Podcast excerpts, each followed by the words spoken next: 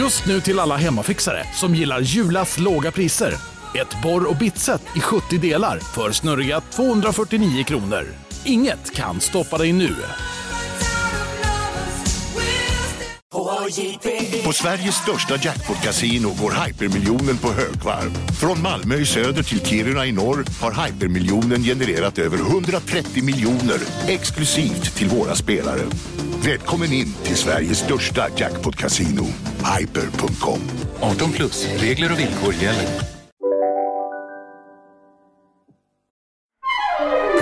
Du lyssnar på en podd från Perfect Day.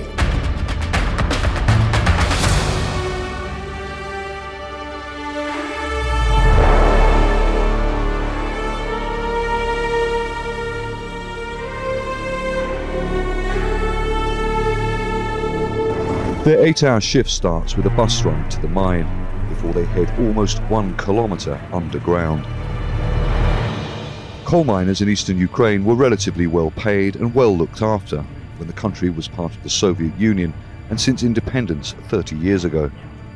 But that changed when fighting started between Russian backed separatists and the Ukrainian army in 2014.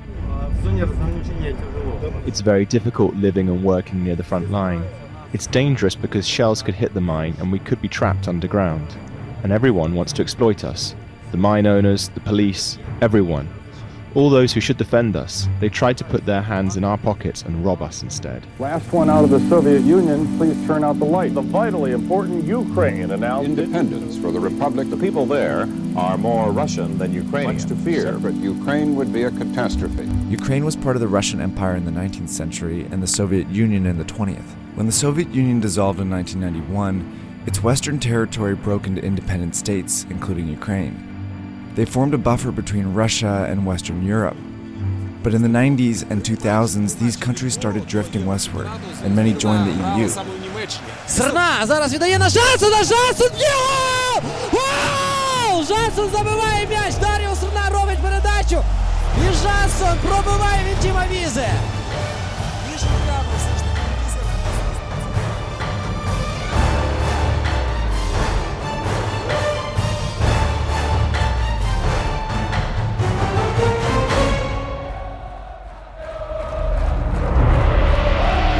1939 beskrev Winston Churchill Ryssland som en gåta insvept i ett mysterium inuti en enigma. Det var sant då, det är sant nu och inget land har fått uppleva det mer än Ukraina och inget fotbollslag mer än Shakhtar Donetsk. Ja, idag ska vi till en speciell del av världen. Idag ska vi till det som just nu är vare sig Ryssland eller Ukraina. Vi ska till det skuggland som varken är en självständig stat eller en vanlig region. Idag ska vi till Donbass. Och där vid floden Donets så ligger ju en av världens största så kallade kolbassänger. Och det är ju utifrån just detta som regionen hämtar sitt namn. Don från floden, Bass från bassängen, kolbassängen, kolfyndigheten. Och de har ju utvunnit kol i 150 år där i Donbass, men alltjämt ska det ju finnas kvar minst 60 miljarder ton kol under marken. Och det är klart att det här har givit upphov till en enorm gruvdrift och otaliga järnbruk och stålverk och mitt i allt detta ligger då regionshuvudstaden Donetsk, som den heter numera. Det har den ju inte alltid gjort, utan under en nästan 40 år lång period så var ju exempelvis stan döpt efter Josef Stalin. Han lät rätt och slätt staden få ett namn som starkt minnade om honom själv. Stalino hette ju stan fram till och med 1961, men det här är då en del av världen då historien ständigt är i förändring och där namn som gällde för någon generation och något halvt systemskifte sedan inte nödvändigtvis är aktuella idag. Fotbollsklubben vi ska prata om, klubben som vi idag alltjämt känner som Sjachtar Donetsk, den har inte heller alltid hetat så, utan den hette ju till att börja med under en sväng Stakhanovets. Och det är givetvis någonting som vi uppskattar, för det anspelar ju då på den mytologiserade, den legendariskt produktiva kolarbetaren Alexej Stakhanov som ska ha utvunnit 102 ton kol på ett enda sex timmars pass och därför fick stå som moraliskt exempel för egentligen hela Sovjetunionen. Det är klart att en sån knegare även ska få ett fotbollslag uppkallat efter sig och därför då till en början fotbollsklubben Stakhanovets från gruvstaden Stalino. Och sen bytte ju visserligen fotbollsklubben namn ganska snabbt och började då kalla sig för Sjachtar Donetsk. Men det var ju egentligen inte ett långt steg bort från att bära den enskilde kolgruvearbetarens namn. Det var bara ett mer kollektivt uttryck för samma sak, för att representera gruvarbetarna. För betyder ju rätt och slätt gruvarbetarna. Och det här var gruvarbetarnas klubb från gruvarbetarnas stad. Och det innebar också att de på ett tydligt och konkret och reellt sätt blev folkets lag. De var inte så där oerhört framgångsrika. De vann någon enstaka kupp under den andra halvan av 1900-talet, men de hade ett publiksnitt som inte alls stod i proportion till framgångarna. De var inte jättebra, men de var populära bland en väldigt lojal publik. De brukade ha hela Sovjetunionens högsta publiksnitt och det baserades då på den ritual som gick i arv från generation till generation. I Donetsk, ja, där går man ner i gruvan på måndagen. Och så jobbar man skift under jord mest hela veckan. Och så kravlar man sig upp någonstans lagom till helgen. Och då går man och tittar på när Schaktar spelar fotboll. Så gjorde tiotusentals och åter tiotusentals arbetare. Och så såg det även ut i årtionde efter årtionde. Fram till det att en mur föll och en union störtade samman. Och en ny tid väntade. Ja, och då är det dags att prata lite om kanske min favoritdel nästan den här historien. Om... I alla fall din favoritperson. ja, vi ska prata om gangsterkrigen här i Donetsk och min favoritperson då, Alik the Greek, eller Alik Greken. Alik, Alik Grek, som de säger däröver, ifall vi ska försöka oss på någon typ av ryska. Ja, men nu har vi snabbspolat oss fram till mitten av 1990-talet och som ni förstår en helt ny tid, helt nya spelregler. Sovjetunionen har fallit. Gruvnäringen är inte längre förstatligad. Naturtillgångarna säljs ut och det gäller att kapa åt sig så mycket man bara kan, så snabbt som det bara är möjligt. Och det är en potentiellt sett väldigt lukrativ verksamhet, men det är också en oerhört farlig tillvaro.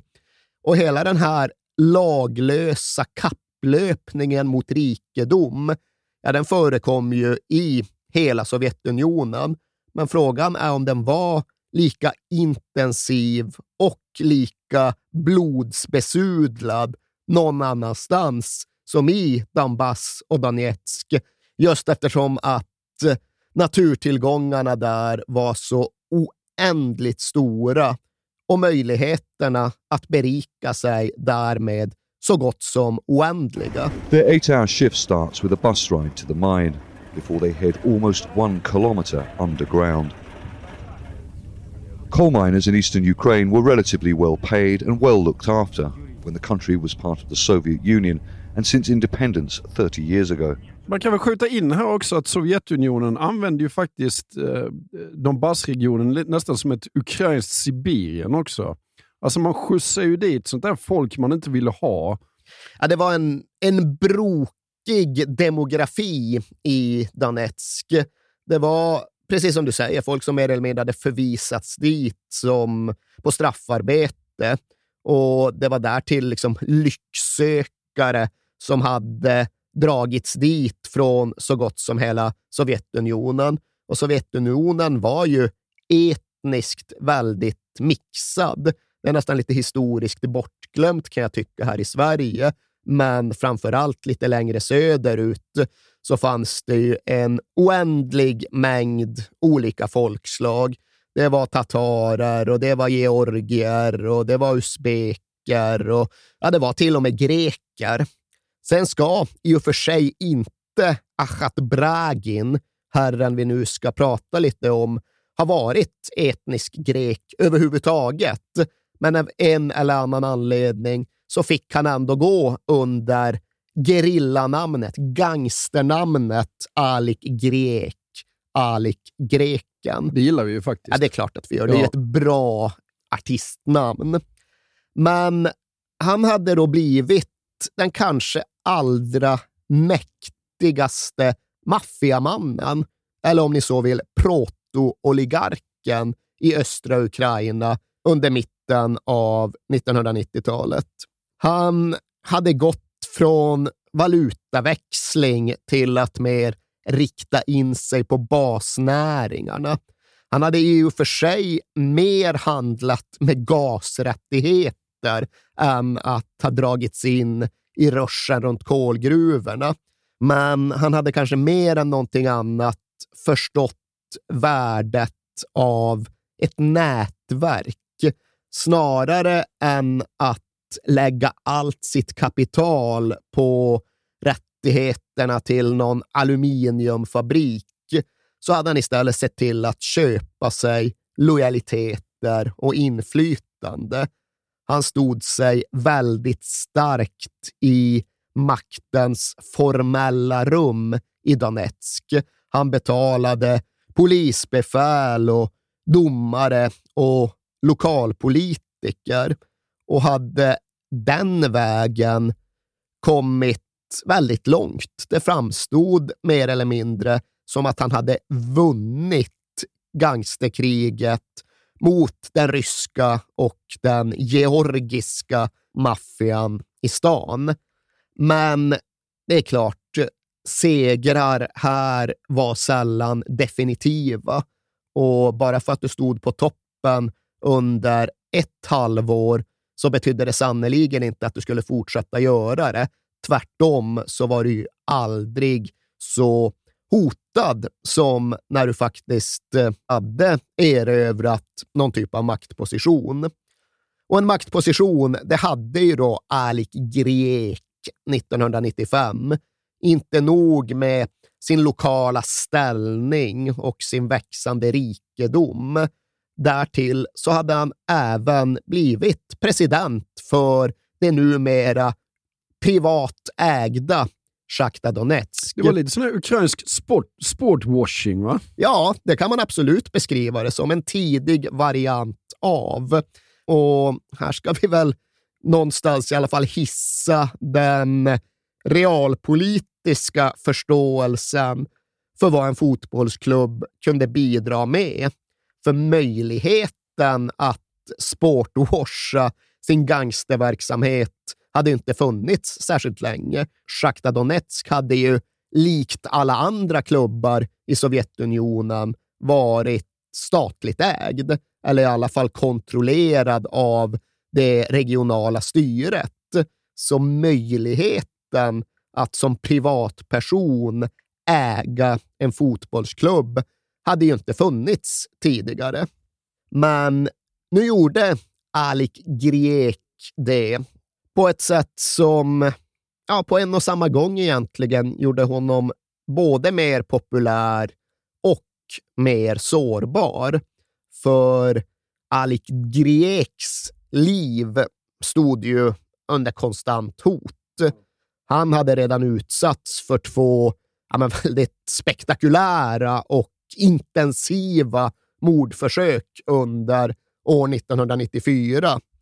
Dels så hade han fått byggnaden där han förvarade sina brevduvor sönderpepprad. ja. Eftersom att ja, brevduvor håller man sig med ja. som maffiasnubbe i Donetsk.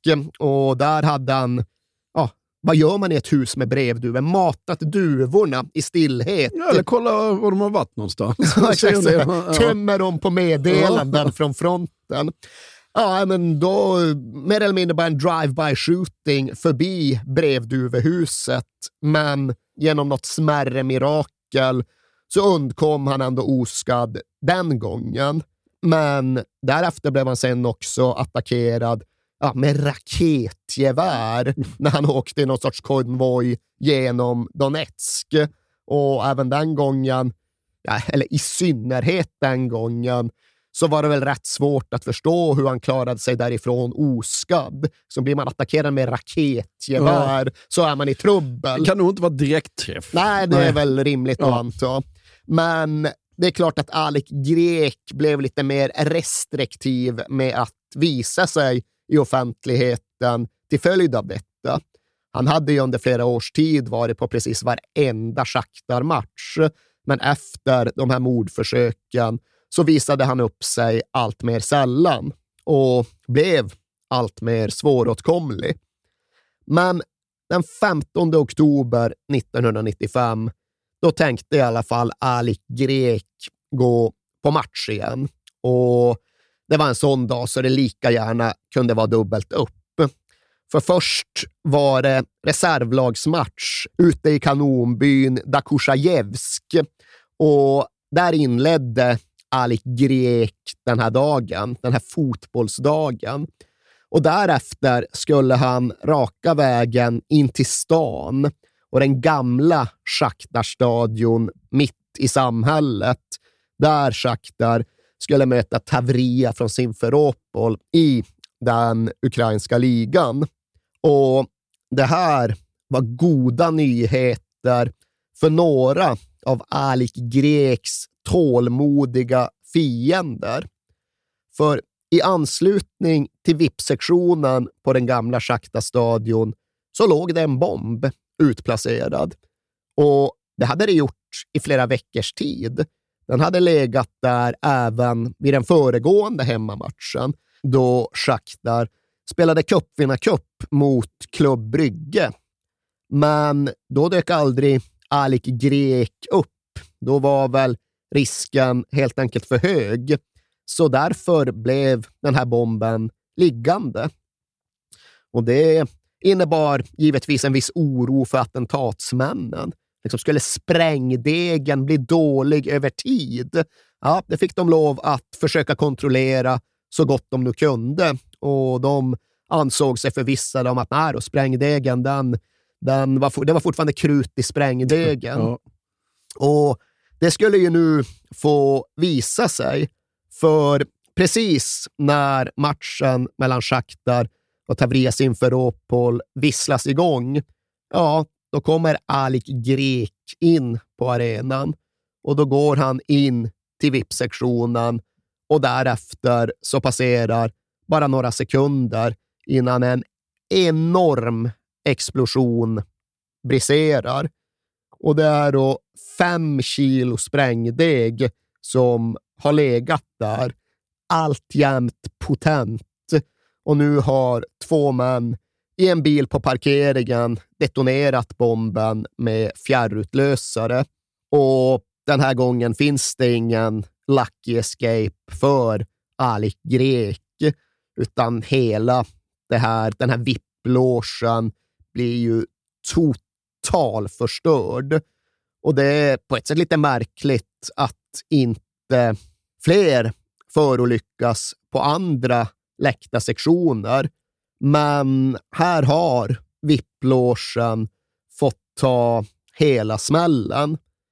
Och när väl kaoset har lagt sig tillräckligt för att någon ska ta sig upp dit för att kolla så är synen som möter dem makaber. För ja, finns det några överlevande? Nej, det finns inga överlevande. Mm. Det finns inte ens några kroppar kvar att identifiera, utan det enda som finns där, det är ju ja, men det är slamsor Ja. och det är kroppsdelar som slitits isär. Och det är helt uppenbart eh, attentatet mot Alik Grek har lyckats den här gången. Men definitivt blir det först när Sjachtar Donetsks vicepresident och Alik Greks svåger Ravil Safiulin lyfter upp en hand som ligger där någonstans i rasmassorna. Och runt den handen sitter en väldigt välbekant Rolex-klocka. Det är Alik Greks Rolex-klocka, Alik Greks hand. Det är ju en rätt fantastisk gangsterhistoria. Enda identifieringen av Alik the Greek är en underarm med guld-Rolex på. Ja, nej, det är väl, det är väl talande. Det är Ja. väl symboliskt. Och med tiden så skulle ett gäng från den rivaliserande Kushnir-maffian dömas för att ha placerat ut bomben. Och så var det väl verkligen. Det var just dessa hantlangare och hejdukar som hade genomfört själva attentatet. Det var de som inför rätten redogjorde just för hur de hade gått och kontrollerat sprängdegen efter Bryggematchen, hur de hade en alternativ plan att skjuta ner Schaktars spelarplan med raketgevär när det lyfte från Donetsk flygplats inför någon bortamatch. Så i någon mån dömdes garanterat rätt personer, men med det sagt så klargjordes det aldrig riktigt vart uppdraget kom ifrån, vart orden kom ifrån och vart finansieringen kom ifrån. För Kushnir-gänget, ja visst, det var en någorlunda inflytelserik spelare på maffiakrigets spelplan, men inte tillräckligt inflytelserika och inte tillräckligt resursstarka för att sjösätta och genomföra den här komplotten helt på egen hand.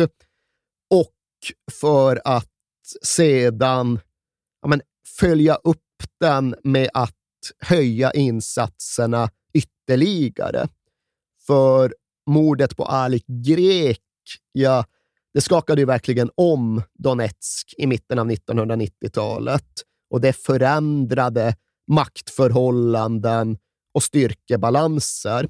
Men det följdes ju då upp året därefter med ett ja, men nästan ännu mer betydelsefullt mord.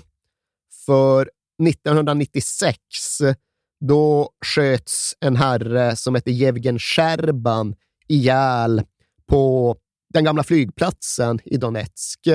Han hade precis landat med sitt privatplan och klev bara ut för trapporna då det kom körande någon hit squad i någon bil och bara pepprade honom och hans plan med maskingevär.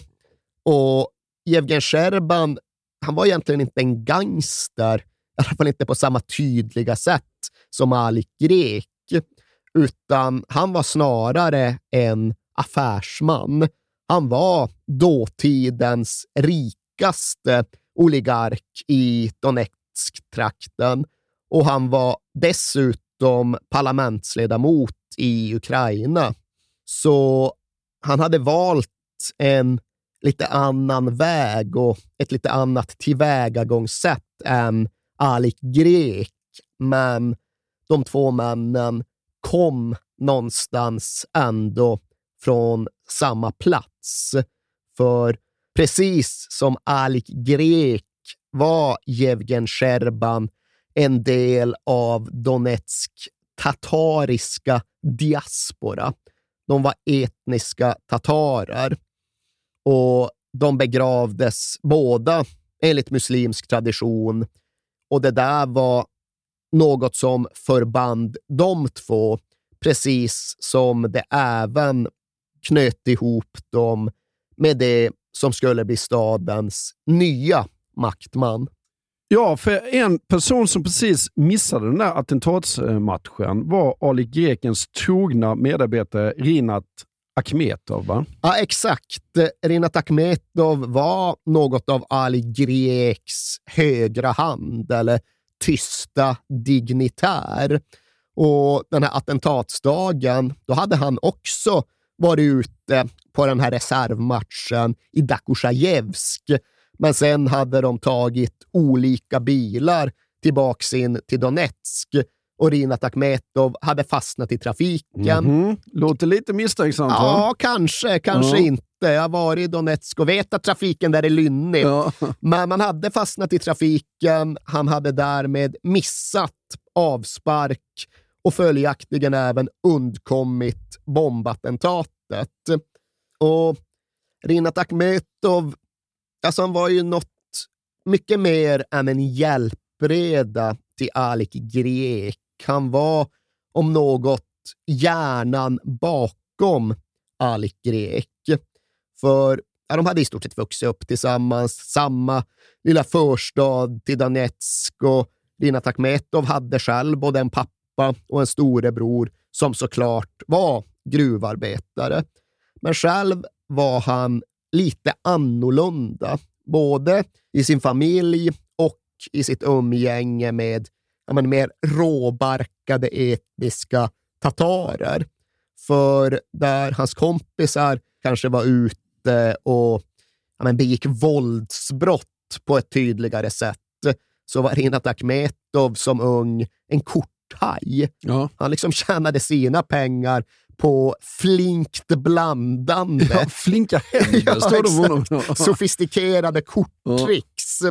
Och säkert också ja, men ett snabbt matematiskt huvud som kunde göra blixtrande kortkalkyler.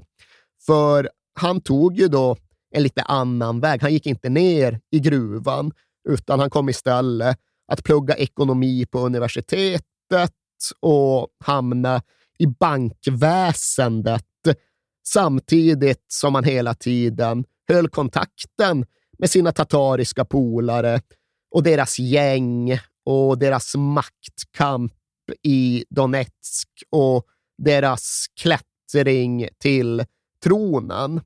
Och han blev väldigt nyttig för Alik Grek genom ja, sin förståelse för ekonomi och bokföring och mer mjuka värden än enbart makt genom kulsprutepistol.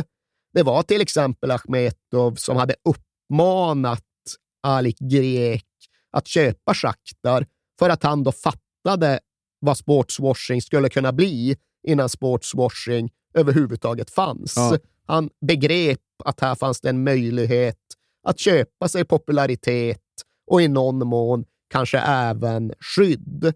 Och därtill var Rinat Akhmetov en fotbollsman. Han hade ju för sig också boxats för men alla de här ägnade sig åt kampsport. Ja.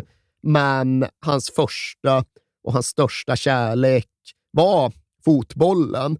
För han hade själv suttit på det som de i Donetsk alltid refererar till som den femte läktaren.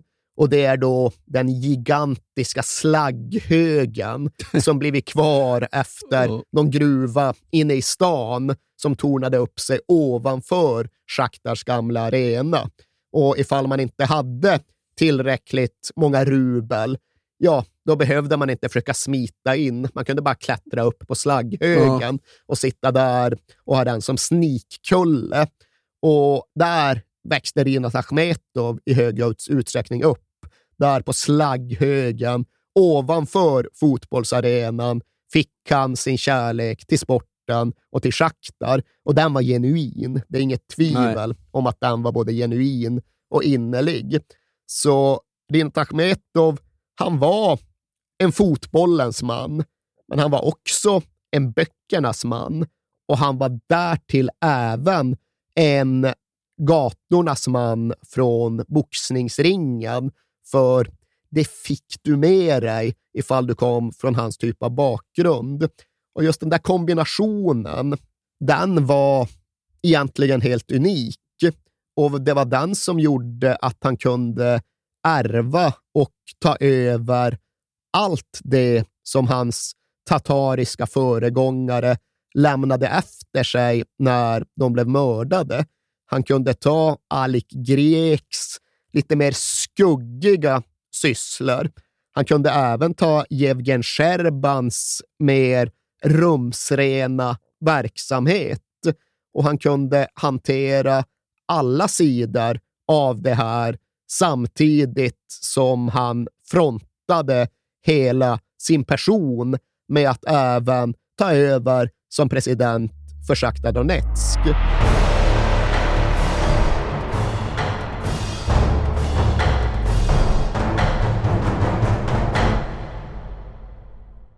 Jag vill inleda med att säga att det är garanterad jackpot på 13 miljoner på Stryktipset. Och fy fasen. Ja, visst. Skulle du behöva 13 miljoner eller? Ja, det skulle jag verkligen. Men vi måste säga först att vi är ju sponsrade av Stryktipset. Ett spel från Svenska Spel, Sport och Casino för dig över 18 år. Yes, och stödlinjen.se finns där för dig om du har problem med ditt spelande. Nej, men 13 miljoner ja. jackpot på Stryktipset, det är ju inte fel. Nej, då är det faktiskt dags att ladda en rejäl rad här känns det mm -hmm. som. Vet du vad som inte heller är fel? Nej. Födelsedagsfirandet och alla härliga mm. historier vi får in. Exakt, mm. för vi är ju mitt inne i Stryktipsets 90-årsfirande som vi firar med att läsa upp fantastiska historier från våra lyssnare yes. som skickar in dem till kings at perfectdaymedia.se. Precis, bomba på nu. Det är åtta månader kvar på det här firandet, så att, eh, vi kör nu. Mycket Stryktipshistorier vill vi ha mm. och i dagens har vi fått från Peter som skriver så här. Hej på er och tack för en helt otrolig podcast. Den har räddat mina veckor i snart fyra år. Tack så mycket Peter.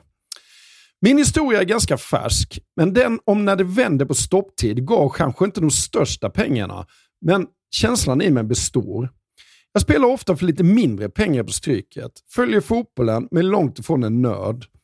Och allt såg väldigt bra ut senast, förutom på min etta på Manchester United mot Brentford. Mm -hmm. Var ändå väldigt, var ändå väldigt nöjd med hur resten satt. Men på stopptid satte min nya favoritspelare, skotten McTominay, två mål och vändningen fullbordades. 64 rader blev 12 000 kronor. Tack för en bra podd. Det är podd. otroligt. Ja. Tack för en bra historia Peter. Ja, och som man älskar Scott McTominay. Gör man inte det? Ja, det gör man faktiskt. Han liksom kommer in i straffområdet jävligt bra faktiskt. Mm. Vi säger stort tack till våra vänner på Stryktipset. Tack.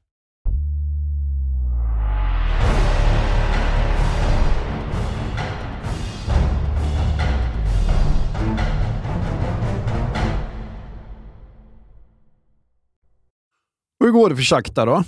Ja, från det att Renat Achmetov ärver klubben av Ali Grieke så blir det till att börja med fem andra platser i rad. De blir tvåa efter Dynamo Kiev mest hela tiden. 97, 98, 99, 00, 02 hela tiden. Och det duger ju inte Nej. för Rinat Achmetov. Han ska ikapp och förbi Dynamo Kiev och han ska vidare därifrån. Och för det krävs ju rätt genomgripande förändringar och väldigt tydligt nytänk. Och Sjachtar Donetsk väljer att slå in på en ny väg på ett väldigt tydligt sätt i januari 2002 då de rekryterar den italienska tränaren Nevio Scala. Det är väl Thomas Brolins favorittränare? Exakt, va? det var ju mm. han som ledde Parma genom sitt framgångsrika 90-tal. Och sen hade han väl varit på utflykt till både Besiktas och Borussia Dortmund. Men nu landade han i östra Ukraina, i Donbass. Och nu förändrade han saker och ting kommunismen i Sjachtar dog då, sa den fina gamla forwarden Andriy Vorobej och det ligger rätt mycket i det. För Schaktar hade fortfarande inte börjat värva annorlunda, utan laget bestod i hög utsträckning av ja, men, egna killar från Donbass och så var det någon enstaka rumän och ett par polacker. Men med Nevioskala så började hela tankesättet brytas upp och byggas om. Det var inte längre det extrem auktoritära, hierarkiska domderandet, utan det blev friare, öppnare och omedelbart även mer framgångsrikt. Och det har i och för sig inte enbart att göra med Nevio Scala och Shakhtar, utan det har egentligen lika mycket att göra med deras huvudkonkurrenter, rivalerna som de var tvungna att ta sig i kapp och förbi ifall de sedan skulle kunna avancera vidare. För ukrainsk fotboll dominerades ju totalt av jätten från huvudstaden, Dynamo Kiev. Ja. Inte bara liksom Ukrainas största och bästa lag, utan på många sätt även det gamla Sovjetunionens största och bästa lag. Och huvudförklaringen till att Dynamo Kiev var så extremt framgångsrika, det var ju den legendariska visionären till tränare Valerij Lobanovskij. Ja. Och han var ju i och för sig en dunderpatriark, men också en framgångsgarant.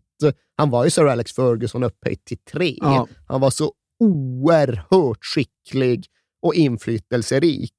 Men han var ju också ganska nedgången på ett sånt här Boris Jeltsinskt sätt. Ja.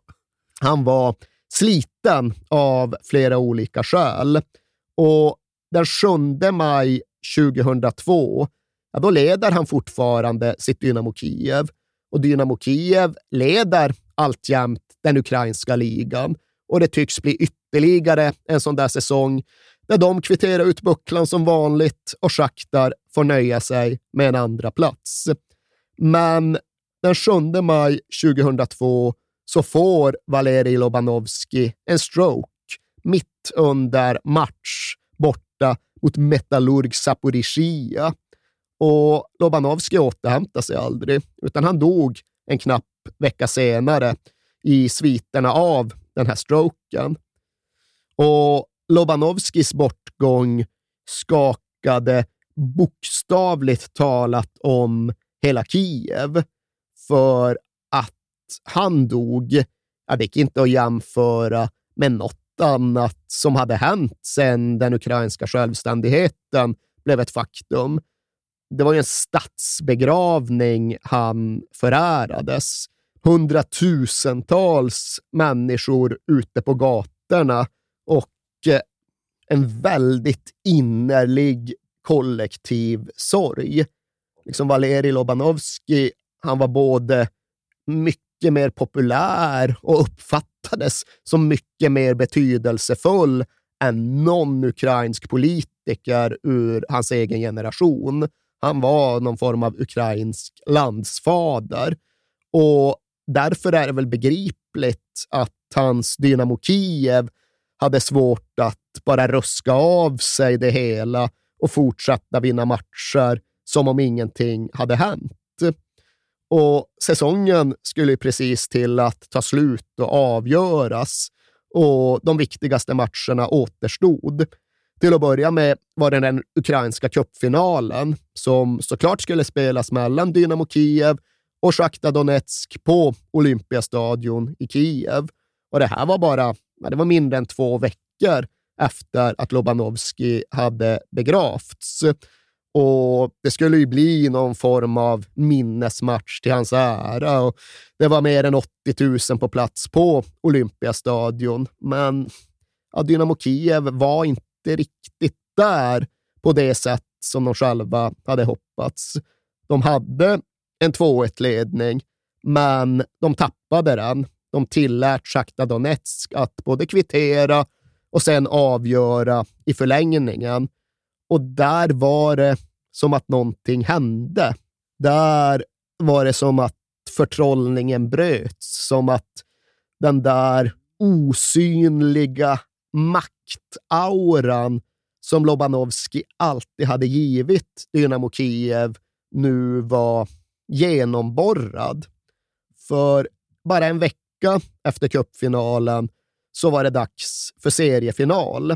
Det var Shakhtar mot Dynamo i Donetsk och det var Dynamo Kiev som kom med serieledning.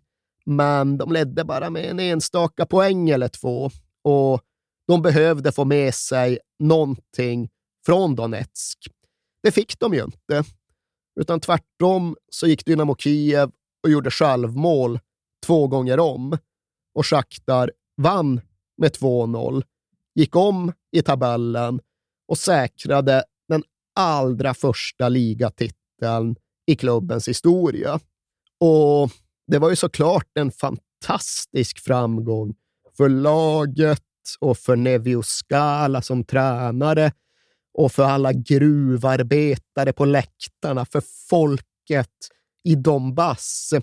Men det var ofrånkomligen samtidigt också en gigantisk personlig triumf för Rinat Achmetov och hans företagsimperium. Och det tenderade att även gå hand i hand med politiska landvinningar för Donetsk-klanen och regionernas parti. För bara några månader efter den här fotbollsdubbeln så gick Viktor Janukovic och blev Ukrainas premiärminister. Och det är inte nationens viktigaste politiska post, men det var definitivt ändå ett signifikativt steg på vägen mot den framtid som väntade.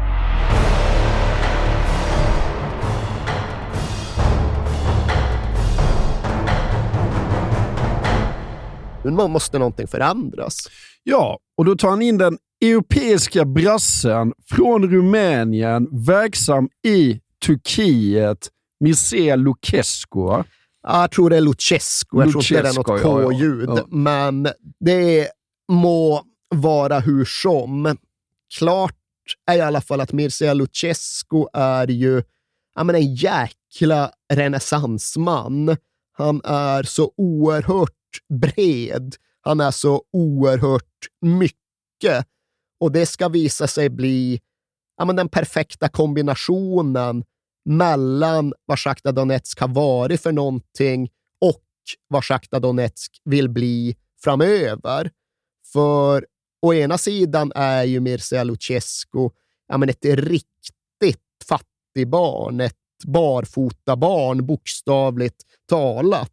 Liksom uppvuxen i den rumänska efterkrigstiden, där hela familjen bodde i ett enda rum utan elektricitet och där då fem söner fick dela på ett par skor. De fick liksom alternera om ett enda par grabbar emellan och alltså ja, gå ut i omgångar. det, låter, ja. Ja, det, det är påvärt. ja. Det är bistert.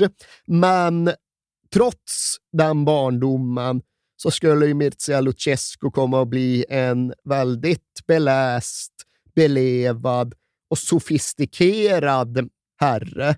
I vuxen ålder, ja, då var det ju en man som satte stort värde på och hade god kännedom om både konst och litteratur och klassisk musik och vin. Så han täckte hela spannet.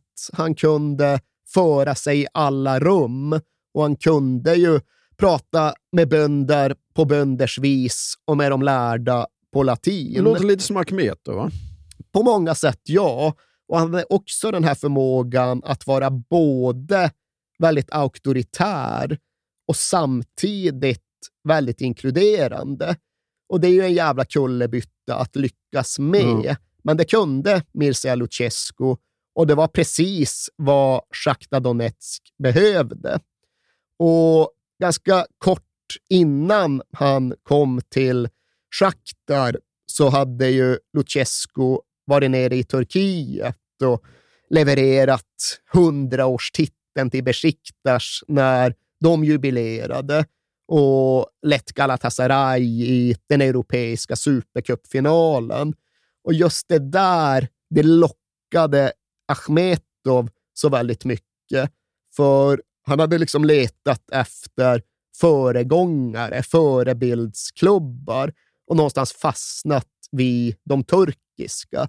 Galatasaray de hade gått och vunnit Uefa-cupen ja. år 2000 och det var ju precis dit Achmetov också ville. Det var liksom det närmaste ett parallellfall han kunde hitta. Okej, okay, Turkiet, ja, det var sannerligen inte östra Ukraina, men det var i alla fall öst och det var i alla fall någon sorts nykomling som hade brutit upp dörren till den europeiska fotbollsaristokratin. Och det var exakt det Achmetov strävade efter. Det var i någon mån det Lucescu hade lyckats med och därför föddes den där kombinationen. Ja, jag presenterade Lucescu tidigare som eh, den europeiska brassen. För Lucescu älskade Brasilien och Lucescu älskade brasilianska fotbollsspelare. Ja, och det är verkligen en central komponent i hur han blev den schaktarman han skulle komma att bli. För det var någonting som han och Achmetov verkligen gick igenom och diskuterade redan när de pratade kontrakt. Att Achmetov, ja, men han ville ju ha framgång, men han ville också ha någon typ av uppgraderad framgång. Framgång med glans, framgång som gav eko. Och hur skulle man då kunna skapa, hur skulle man då kunna köpa sig till denna framgång? Lucescus idé var tydlig. Välj brasilianskt. För som du nämnde så älskade ju Mircea Lucescu Brasilien och brasiliansk fotboll.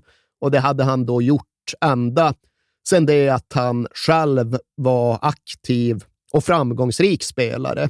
Ända sedan han i VM 1970 ställdes mot Pelés Brasilien och efter slutsignalen även bytte till sig Pelés tröja. Och kärleken där och då var dessutom ömsesidig. De som såg matchen från brasilianskt håll uppskattade Luchescos spel och han fick inbjudningar, han fick värvningsförslag från den brasilianska fotbollen, men förbjöds att åka av den rumänska regimen. Så under lång tid var det ju någon sorts obesvarad kärlek och någon sorts oförlöst lust som Mircea Lucescu bar runt på gentemot den brasilianska fotbollen. Men nu skulle han få alla möjligheter att realisera den, att släppa känslorna fria. För nu skulle Shakhtar varva brasilianskt. Det var det ägarbeslut fattat på. Och Lucescu hade ju redan varit där och fingrat under framförallt sin tid i Turkiet. Där hade han använt sig av en fransk-algerisk agent. Frank Enoudar, va? Precis, som hade hjälpt honom att få dit Mario Chardel och en bunt andra brassar. Och den här Frank Enoudar, han var själv gift med en brasilianska och tillbringade mycket tid i Brasilien och pratade flytande portugisiska och liksom hade byggt upp sin verksamhet däröver. Han måste ha varit ett jävla geni, känns det som. Socialt geni ja. framför allt, för han var ju någon sån här nattklubbssnubbe. Club Med. Som bara liksom ja. snackade sig ja. in bland fotbollsstjärnorna och som hade liksom stött på den gamla skyttekungen Jair och tjatat sig till att få representera honom och hans folk. Så han var väl bra på att ta människor och snacka upp dörrar. Och nu jävlar fick han börja snacka. För Shakhtar hade haft en brasse tidigare, men det var bara följden av en slump snarare än någon genomtänkt strategi. De hade tagit in en anfallare som heter Brandau. Ja. Och det gillar du för att du gillar frilansjournalisten Henrik Brandau Ja, men Jönsson. kan det, kan det ha någon eh, koppling däremellan? Jag tror det har noll och ingen Ja. koppling. Tyvärr. Tyvärr, det ja. hade man ju velat. Men Brandau var ju en icke-brassig brasse också. Det var inga tricks, det var ingen mjuk teknik, utan det var rätt gänglig och klumpig target forward. Men nu skulle det inte längre köpas på slump, utan på strategi. Och det är då Achmetov och Palkin och Luchescu och Enoda satte. Det var en idé om att plocka in de bästa unga offensiva spelarna från den brasilianska ligan. Och vart och ett av de här stegen gav egentligen sig självt. För de var bakbundna av ett maxtak på utländska spelare som den ukrainska ligan använde sig av. De kunde inte ta in elva brassar, även om de gärna skulle ha velat. Och när de då skulle prioritera så valde de rätt och slätt att värva offensiva spelare. För det var den kompetensen, den mjukheten, den dribblingsförmågan som de ville värva in och spegla sig i. Och sen förstod de ju att även om de sprängde alla banker som fanns så kunde de ju inte värva Ronaldo, eller Adriano eller Kaká. För det räckte liksom inte med en voljär på träningsanläggningen för att locka dem.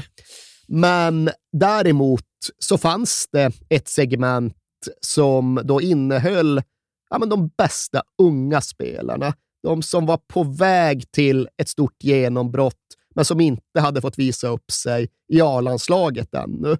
Där hade inte de europeiska bjässarna Det är det jag tycker är så ännu. konstigt.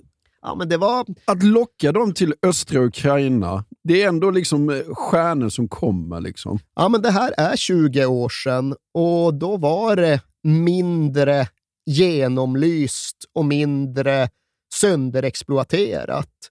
Ifall du kollade på det brasilianska U21-landslaget, ja, då var spelarna där fortfarande otingade.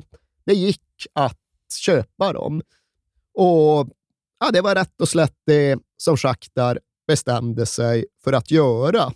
Så redan säsongen 2004-2005 tog de in fem brassar. Och det största namnet där var i och för sig Matuzalem, som redan hade landat i Europa och gjort sig ett namn i den italienska ligan. Men därefter blev det ungt, raka vägen från Brasilien. De tog in Elano och Jadson precis när den brasilianska ligan hade spelats färdigt. Och de två var de bästa unga spelarna i de två bästa lagen. Santos vann ligan och okej, Robinho är någonstans utom räckhåll, men därefter var Elano den näst bästa unga spelaren, så ta in honom. Atletico Paranaense kom tvåa. Jadson, bästa unga spelaren där. Ta in honom. Och så där skulle då Shakhtar fortsätta och de plockade åtminstone en juvel per säsong utifrån just den där modellen. Sommaren efter kom en 20-årig Fernandinho. Säsongen därefter en 19-årig Luis Adriano. Säsongen därefter en 19-årig William. Frank Enoda gjorde ett ganska bra jobb. Han gjorde ett ganska bra jobb, Ja. men han hade då också ett väldigt tydligt uppdrag. Bästa unga spelaren i den brasilianska ligan som inte redan är Robinho-tingad av Real Madrid. Därtill ska det vara spelare med teknik och snabbhet. För det hade Lucescu en idé om att det i grunden var medfött. Fysik och framförallt taktik, ja, men det lär jag dem. Det coachar vi in i dem här. Men teknik och snabbhet, det vill jag att de ska ha med sig, för det går inte riktigt att utveckla fram. Och där satte sig modellen. Shakhtar kom att bli ett Luchescu-lett lag där försvaret bestod av fem, sex ukrainare och östeuropeer och anfallet bestod av de fem bästa unga brassarna överhuvudtaget kunde hitta på värvningsmarknaden.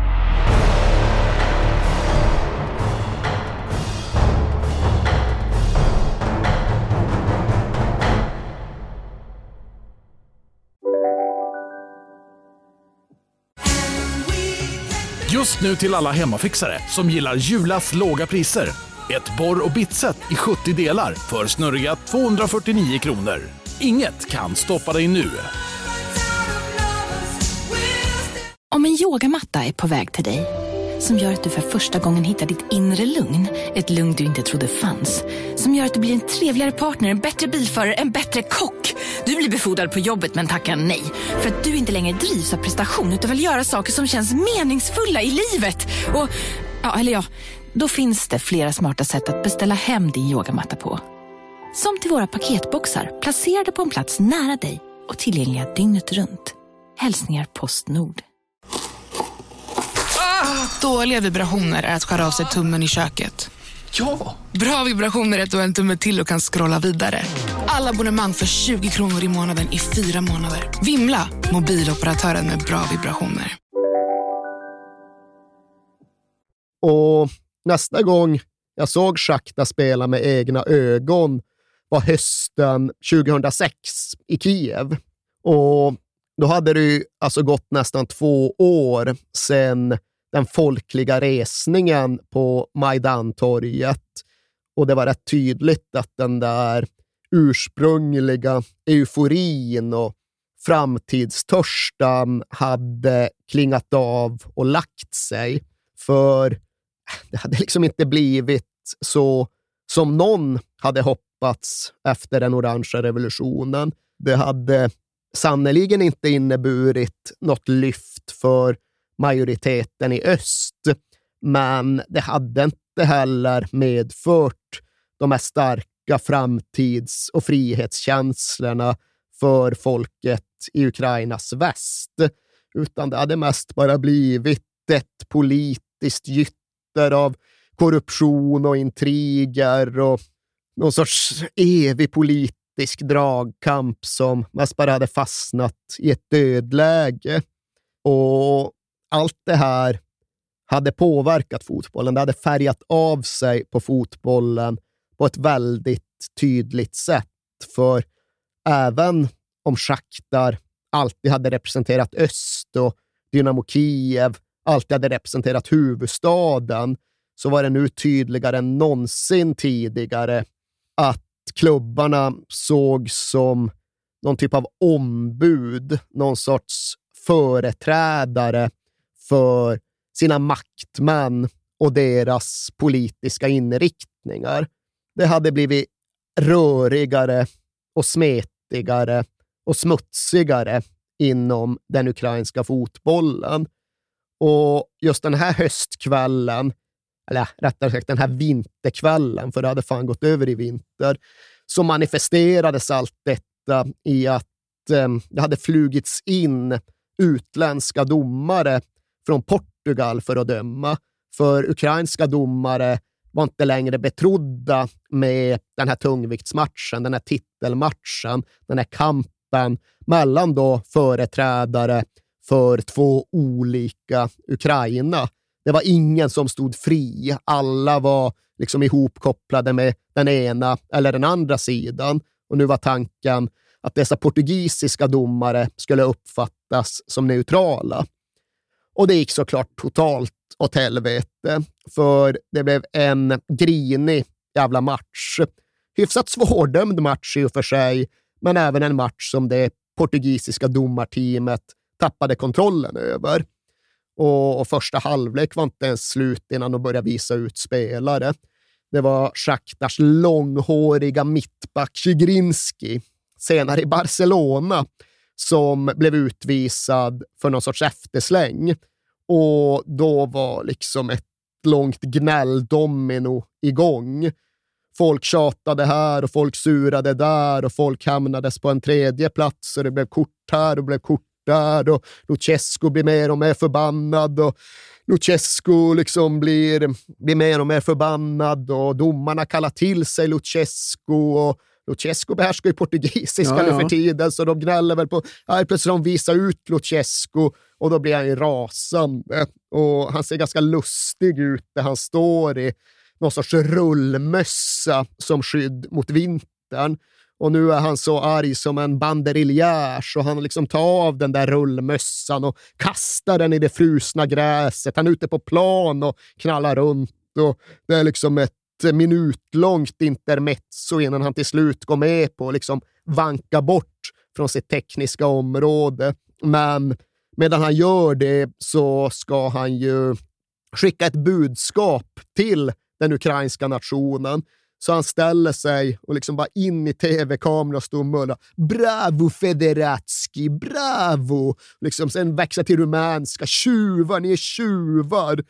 Och matchen är därefter bara en enda stor röra och det fortsätter hagla kort och den är ryckig och det är avblåsningar hela tiden. Och Dynamo Kiev vinner till slut mot ett tiomannaschaktar med 1-0, men det är verkligen en bisak.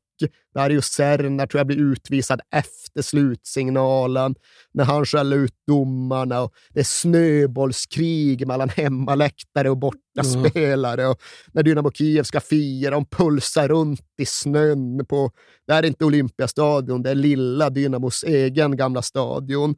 Och när det sen är dags för presskonferens så har inte direkt Mircea Lucescu lugnat ner sig, utan han sitter där och eldar på om hur allt är köpt och hur allt är korrupt och hur ukrainsk fotboll numera styrs utifrån realiteten att en oligarkbrorsa som heter Surkis äger Dynamo Kiev, medan en annan oligarkbrorsa, den andra Surkis, är president för fotbollsförbundet. Och det är klart att det är inget helt optimalt upplägg. Nej. Där har ju Lucescu helt rätt.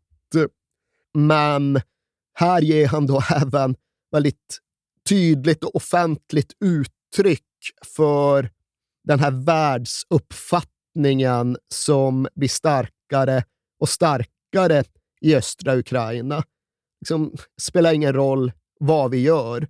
Spelar ingen roll ifall vi bygger det bästa fotbollslaget. Det spelar ingen roll ifall vår företrädare får flest röster i presidentvalet. De kommer ändå ta det ifrån oss. Är det inte politiskt drivna valobservatörer från väst så är det tydligen ett domarteam influget från Portugal med en tydlig uppdragsgivare och en tydlig uppgift. Återigen, inte mina ord, inte nödvändigtvis Nej. min uppfattning, men någonting som brann starkare och starkare i östra Ukraina och någonting som nu ja, men fotbollsklubben och dess främsta företrädare Mircea Lucescu ställde sig ganska öppet bakom. Och jag vet att de skämtar internt i klubben om att den där rullmössan som man kastade i gräset, att den borde ha en hedersplats i en monter på klubbmuseet.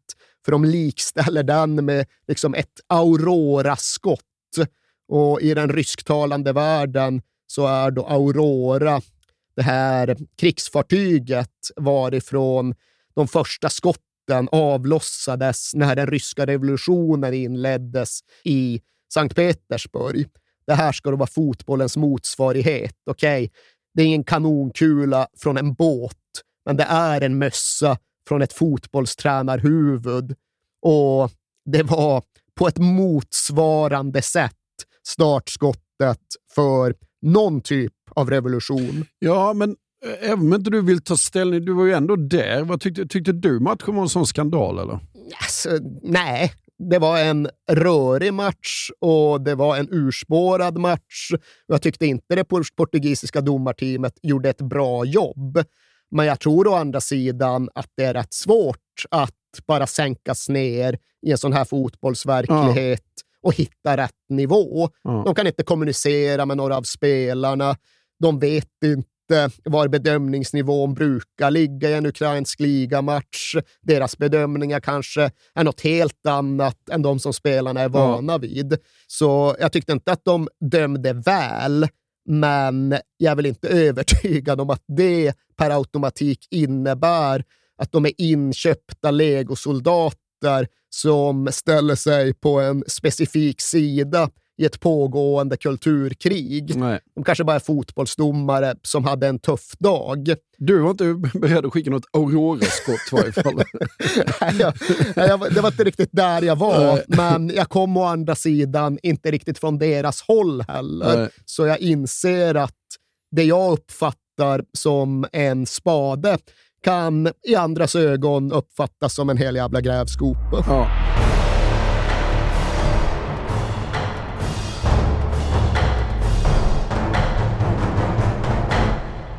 Men eh, Shakhtar går väldigt bra i Uefa-cupen. De gör ju det, för nu är de på väg att ta sig någonstans där de tidigare inte har varit. För de har inte fått till det i Europa. De var i en åttondel två år tidigare också och tycktes vara på väg att slå ut Sevilla.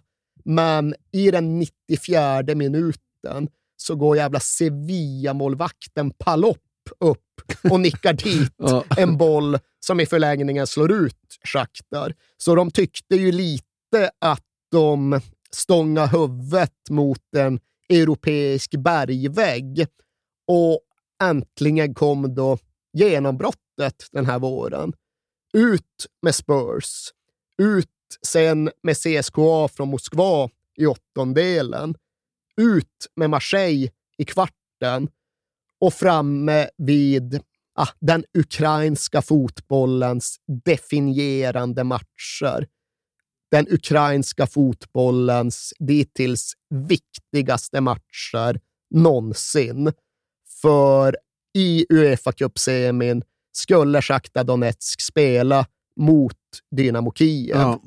Och absolut, Dynamo Kiev, de byggde ju mycket av sin legend på sina framgångar i Europa. De hade gjort det förr. De hade vunnit cupvinnarcupen både 1975 och 1986.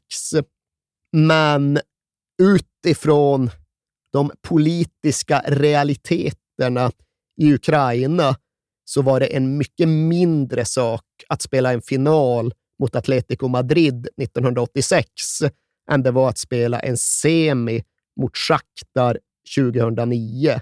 Det här gick inte att jämföra med något. Och liksom inblandade från båda sidor har ju även erkänt och preciserat just detta, att det var ju det här som var finalen. Ifall någon hade erbjudit oss seger i semin och sen uteslutning, vi hade tagit det direkt. Ja, det enda som räknades var att besegra rivalerna i den här matchen. Allt som eventuellt följde därefter, ja, det var liksom efterskalv, det var bonus. Det skulle säkert bli lite kul, men det var inte viktigt. Inte i jämförelse med detta. Och tvekampen kom såklart även att bli både jämn och episk. För alltså, visst, Dynamo Kiev de var inget dåligt lag. De hade slagit ut Valencia, de hade slagit ut PSG, men absolut ändå att Shakhtar objektivt sett fick ses som det bättre laget, fick ses som favoriter. Men Dynamo Kiev hävdade sig. De hängde med väl och det blev 1-1 i den första matchen i Kiev och 1-1 stod det sen även länge i returen i Donetsk. Men i den 88 minuten, Jaro trampar den lilla brassen Ilsinjo loss och rundar den sista motståndarbacken och placerar in bollen i Dynamo Kievs nät. Och där och då, gör han ju sig själv till odödlig. 89th, the home side is back. William far side for Ilsinho with the cut and the strike and the game winner. Beautiful goal standing up as the winner for the fans in orange. They are off to their first UEFA Cup final. De hade en stolt historia fram till och med detta och de skulle besegra bättre motståndare efter detta. De skulle vinna matcher som faktiskt gav dem bucklor, men be en Shakhtar-supporter som varit med hela vägen att peka på den största, viktigaste, mest minnesvärda segern. Det kommer vara Dynamo Kiev i semin 2009. Det kommer vara Ilsinius sena segermål och det skulle vara ja, den mer eller mindre definitiva segern i fotbollsgrenen av det pågående kulturkriget mellan öst och väst.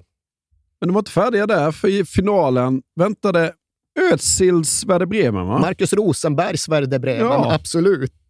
Och det var något av en eftertanke.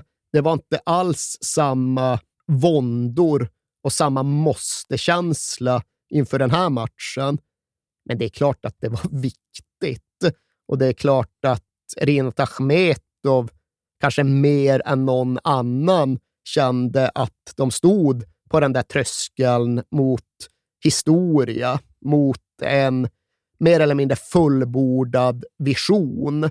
För det var ju just det stora internationella avtrycket som kanske hade drivit honom mer än något annat. Ja, och du sa tidigare att han var en fotbollsman, men han var ju verkligen det. Alltså han levde ju sig in under matchdagar. och Det är knappt, han kunde ju knappt jobba de här dagarna. Nej, och alltså de här Uefa Cup-matcherna, de har han ju knappt sett.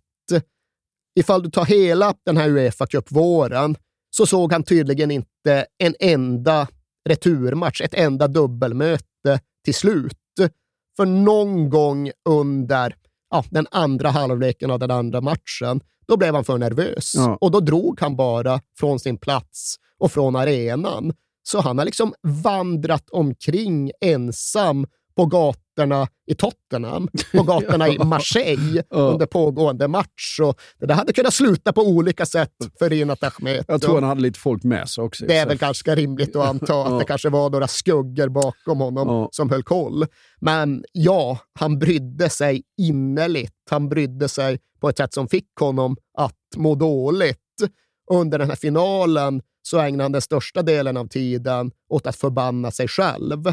För likt många andra fotbollsmän var han ju skrockfull och vidskeplig så in i bänken. Och han hade sina ritualer och sina turkläder. Men nu hade han frångått detta för att han ändå upplevde någon typ av behov att föra sig och representera på ett värdigt och statsmannalikt sätt. Så snarare än vad det nu än var som var hans turkläder så hade han dragit på sig den officiella klubbkostymen. Ja. Och det förbannade han då ja, men matchen igenom. Allt negativt som hände, det var hans fel. Det var kostymens fel. Försökte att ta tidigt ledningen. Luis Adriano chippar in bollen fint och vackert. Men sen gör ju den misstagsbenägne målvakten Pjatov Helt otrolig jävla blunder. Ja, inte för att vara honom. Nej. Han gör ju sådana genomgående under hela sin långa karriär. Och det är nästan det märkligaste med det här Luchescu-bygget, att de aldrig ersatte. Nej. Men ja, han tappar in en Naldo-frispark helt oprovocerat. Och så står det 1-1 och så förbannar Achmetov sin kostym. Och sen står ju sig 1-1 matchen igenom in i en förlängning. Där till sist såklart en av Shakhtars brassar blir utslagsgivande. Срна, зараз віддає на Жансон, на Жансон! Йо! Вау! Жансон забиває м'яч, Даріо Срна робить передачу. І Жансон пробиває від Тіма Візе. Ja, under hela den här Uefa Cup-våren så gör Shakhtar 14 mål. Brassarna gör 12 av dem. Och det är verkligen inget ovanligt. Men Det är det är representativt. plan, ja. men det är Ja. så det brukar se Ja. ut. Det är brassar och så är det Dario Serna som bombar in några frisparkar. Det är så de gör sina mål. Och den här gången är det Serna som slår det låga inspelet. Jadson som rakar in bollen och Werder Bremer-wrestlern Tim Wiese som gör en halv blunder, även han. Men sen finns det ju även något talande då i att Jadson firar det här segermålet, detta buckelgivande mål med att söka upp första bästa tv-kamera vid hörnflaggan och liksom vråla Dynamo, var är Dynamo då? Var är Dynamo? Var är de? Så till och med, liksom, till och med brassen Jadson har köpt in sig på det ukrainska kulturkriget på ett sätt som innebär att hans absolut första tanke går till Kiev när han har gjort det här målet. Men ja, det är ju ett triumfmål, ett epokgörande mål. Shakhtar Donetsk har blivit den första klubben från det självständiga Ukraina att vinna en europeisk buckla. Och när de väl återvänder till Donetsk är ju hela den gamla flygplatsen helt överfull av jublande människor. Och sen är det jättefirande inne i stan, på torget, på någon stor öppen scen. Och där är ju alla brassarna såklart, och där är Luchescu, där är Achmetov. Men där är naturligtvis även Viktor Janukovic Ja. utmanövrerad efter det förra presidentvalet, men inte politiskt uträknad. Tvärtom. Han skulle upp i ringen igen och han skulle dit med boxningsshorts i Shakhtars svartorangea färger. För han såg liksom till att hela tiden koppla sig själv och sin politiska person till Shakhtar och Donetsk. Så han står där med Achmetov och mullrar om hur Shakhtars uefa seger visar på gryningen för ett nytt enat Ukraina. Och för den som ville så gick det någonstans att uppfatta en teckning för de orden. För den här sakta segern var liksom ingen isolerad företeelse helt utan koppling till sitt sammanhang, utan den ukrainska fotbollen framstod som så jävla välmående och framgångsrik vid precis den här perioden. Schakta liksom drev på allting och sporrade Dynamo Kiev och drog med sig Metallist och Dnipro Dnipropetrovsk. Så otroligt nog så var det ju så att när vi stängde säsongen 2008-2009 så var den ukrainska ligan enligt Uefas sätt att räkna rankingpoäng den mest framgångsrika i hela Europa. Jaha. De ukrainska klubbarna hade gått bättre i Europaspelet än de tyska, de italienska, de spanska och de engelska. Ja. De ukrainska klubbarna hade samlat ihop flest rankingpoäng av alla. Och Det var ju även i den kontexten, utifrån en värld där metallist från Charkiv kunde slå ut Sampdoria och där Shakhtar från Donetsk kunde vinna hela kuppen som Janukovic kunde stå och sola sig i glansen av ett nytt framgångsrikt Ukraina. Gå med mig. Bakom skuggor ser du solen. Och när du tvivlar ser du modet.